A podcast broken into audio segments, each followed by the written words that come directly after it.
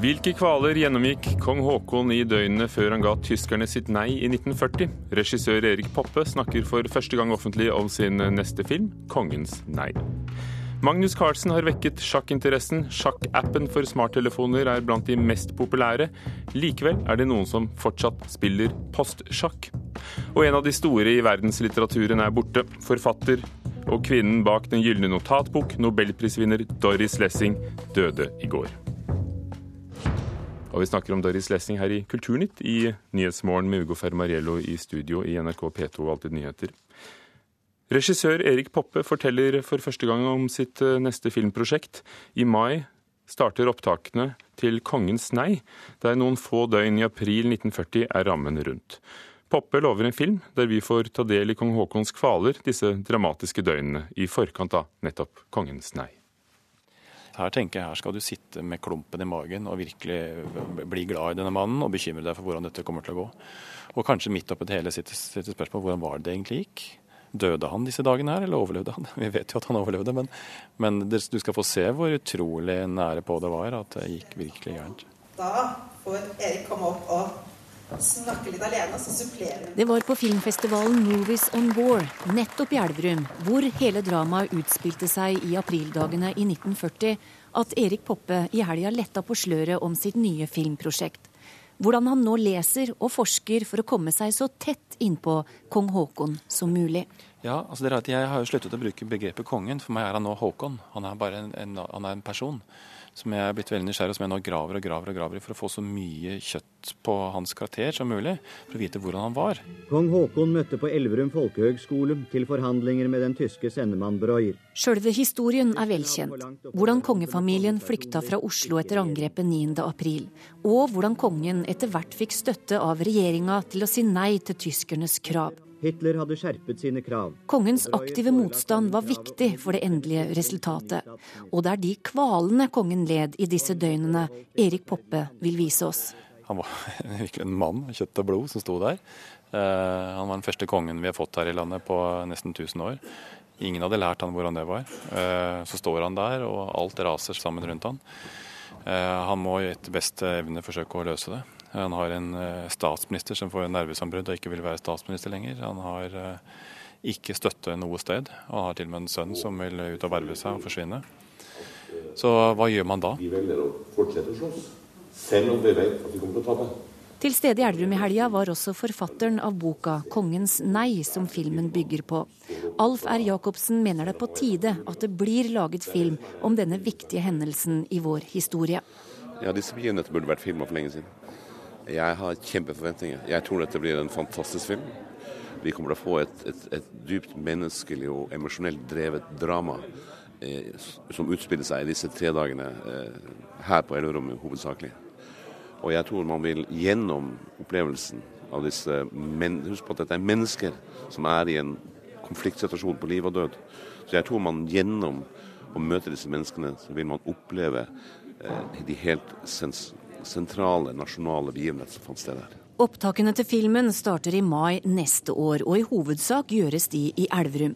Budsjettet er på over 50 millioner kroner, og danske Jesper Christensen og Anders Baasmo Christiansen er ønska i rollene som kong Haakon og kronprins Olav.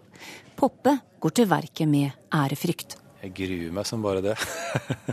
det, er en, det, er et komplisert prosjekt som jeg alltid tenker om alle ting jeg går løs på. Jeg på en måte gruer meg, men, men jeg går på med stor respekt.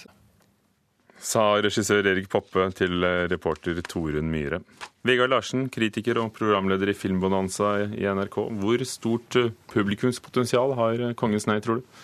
Og det tror jeg er enormt. Eh, jeg tror det er en eh, film som eh, har stor mulighet til å treffe altså hele befolkningen. Og da tenker jeg på at det er en film à la Max Manus som kan få både gamle og unge på kinoen. Noe som må til for å nå de helt, helt store tallene. Men så er vel Erik Poppe en helt annen type regissør enn dem som lagde nettopp Max Manus. Erik Poppe har fått veldig mye ros av også kritikerne. Kan du si litt mer om hva slags filmer han lager? Absolutt. Erik Poppe er jo en mann som er opptatt av det indre eh, i karakterene han skildrer, eh, i motsetning til kanskje Rønning og Sandberg, som er mer opptatt av å skildre handling. Eh, så det sist nå i hans 'Tusen ganger god natt' eh, med Juliette Binoche i hovedrollen. altså Hvordan han borer i denne kvinnekarakteren. Hvordan vi blir kjent med hennes indre. Han er ikke redd for å bruke symbolikk i filmene sine. og han er liksom, han er opptatt av det menneskelige. Det er det, det er det, han liker å fokusere på når han lager filmer. Og, og ja, som han sier her også, det er jo det han også kommer til å fokusere på denne gang. Og hvilke utfordringer står man da overfor, når det handler om nettopp historiske hendelser og mennesker som har levd, og hvor det er litt grenser for frihetene? Nei, så Problemet her er jo at man ikke har lov til å lyve. Altså, Folk vil jo reagere hvis, hvis, uh, hvis man ljuger for å skape god dramaturgi.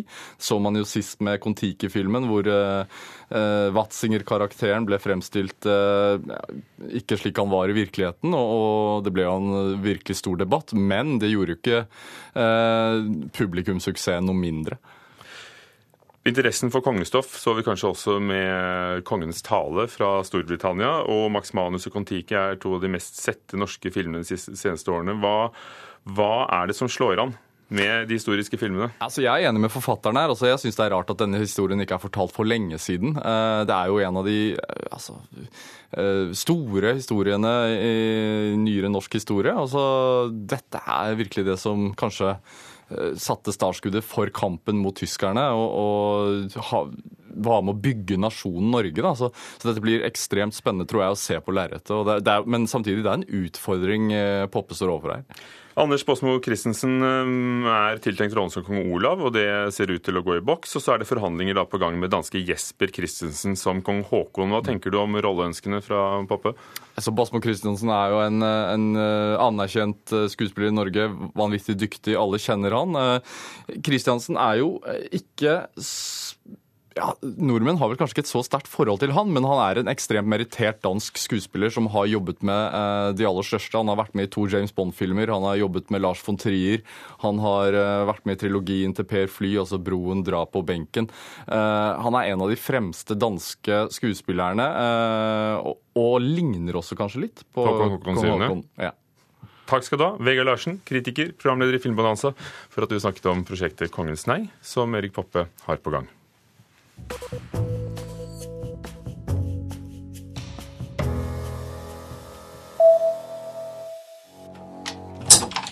Se her! Denne felgenoppfinnelsen har jeg hatt stående i påvente av krise.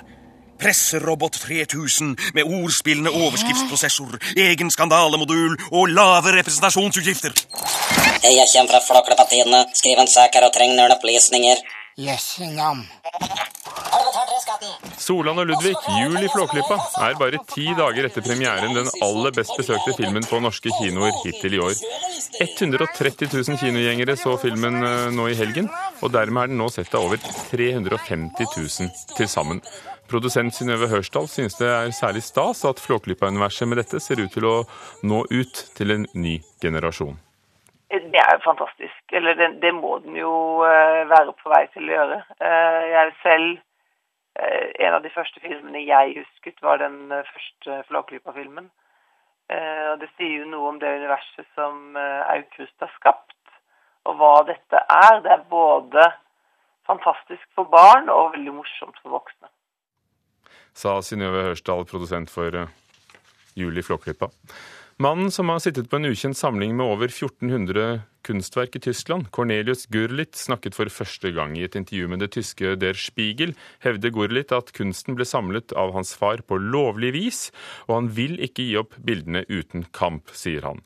Faren var en av de mest fremtredende kunsthandlerne i Nazi-Tyskland. Bildene ble funnet ved en rutinekontroll for snart to år siden, men det ble først kjent for noen uker siden at eh, funnet var gjort. Samlingen stammer fra både museer og private eiere. Mistanken er at en del kommer fra plyndrede jødiske bo, eh, og blant bildene er det malerier av Picasso, Matisse, Chacal, Renoir og Delacroix, for å nevne noen navn.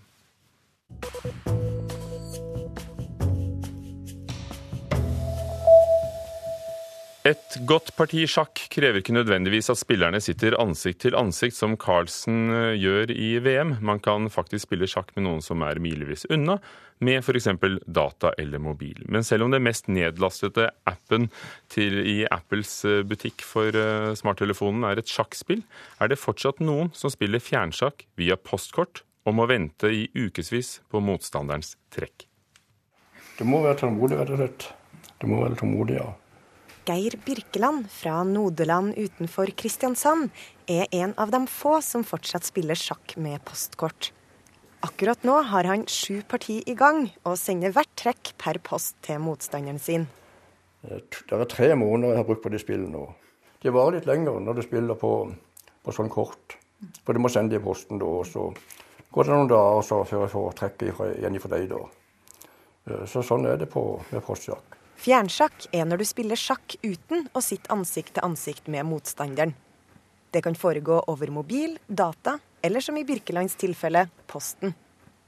For øyeblikket er et sjakkspill den mest kjøpte appen i AppStore, men Birkeland tviholder fortsatt på gamlemåten. Men så er det enkelte som gjerne vil um, ha litt kortere tid på De vil spille på mobilen da.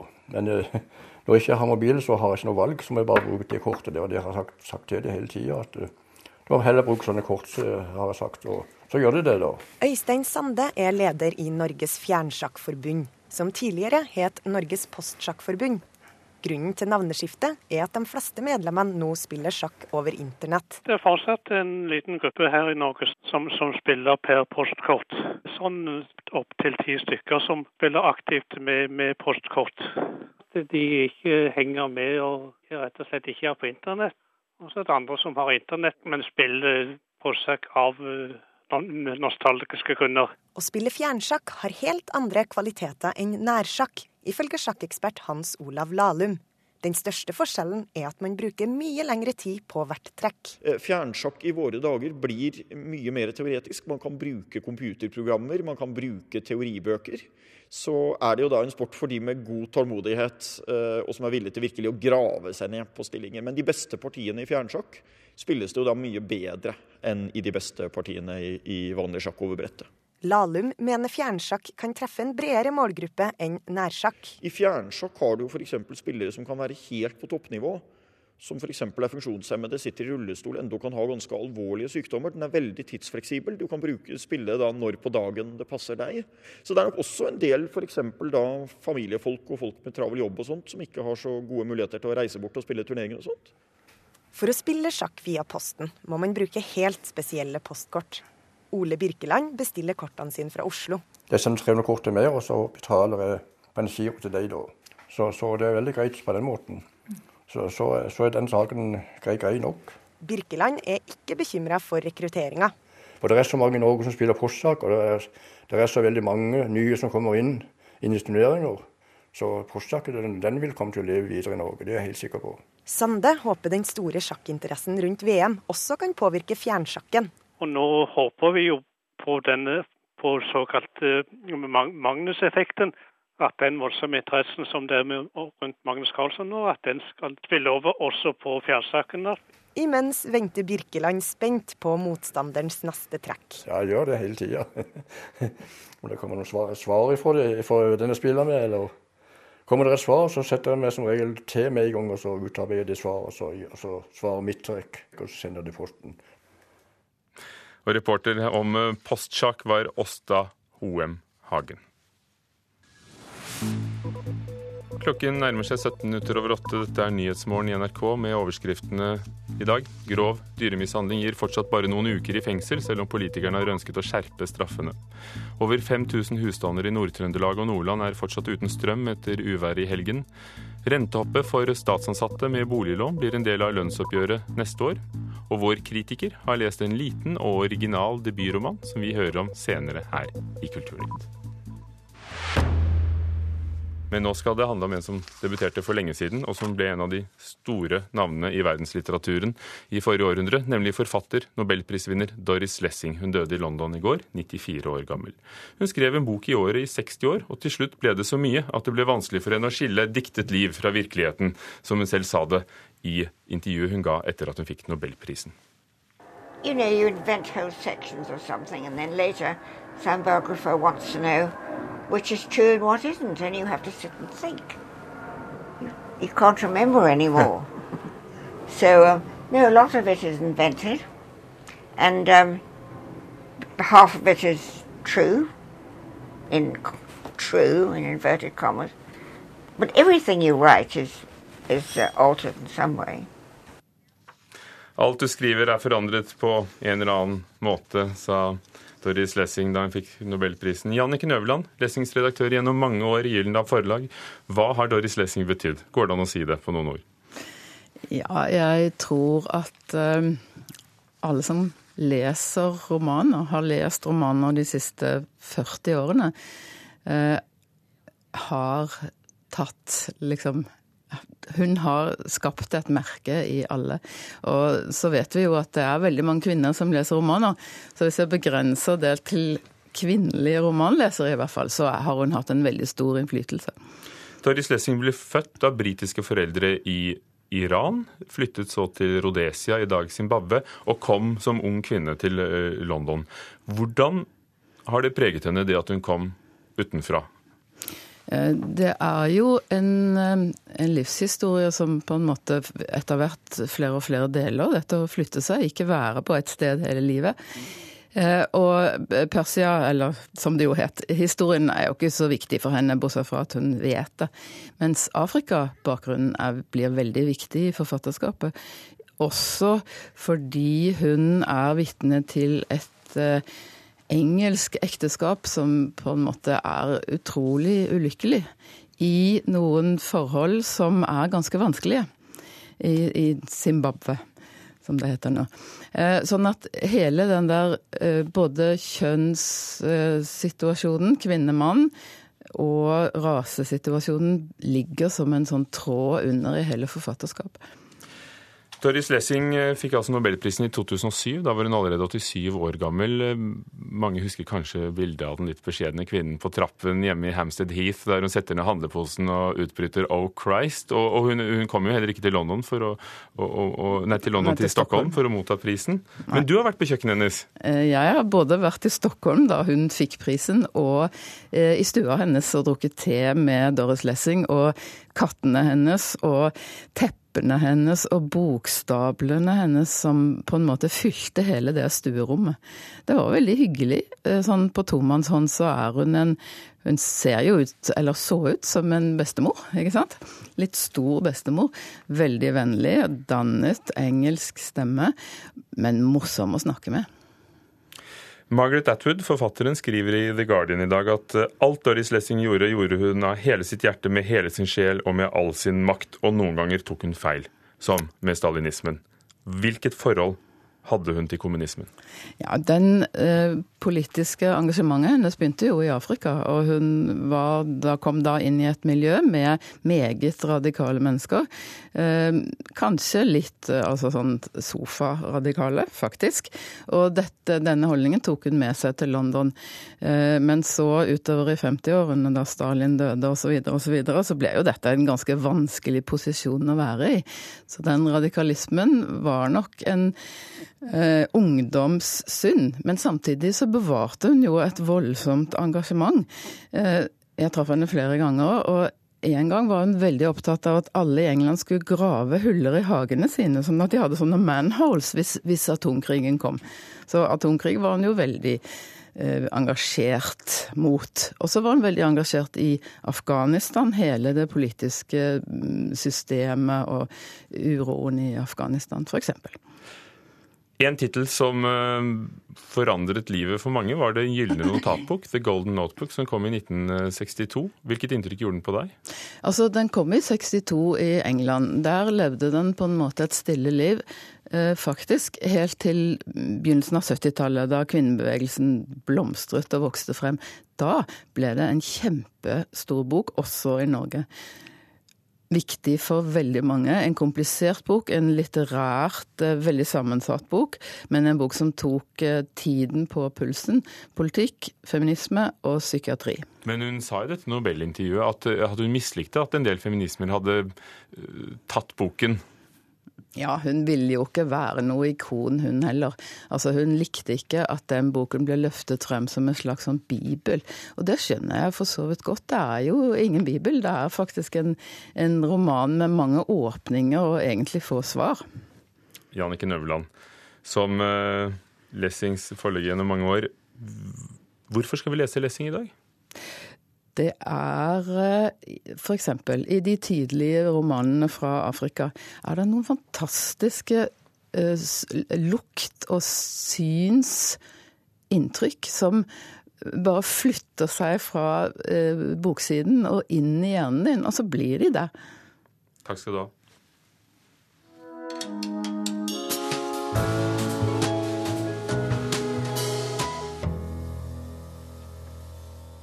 Frøydis Solli Simonsen er født i 1986, vokste opp på Nesodden utenfor Oslo og går nå på tegneserieskole i Malmö.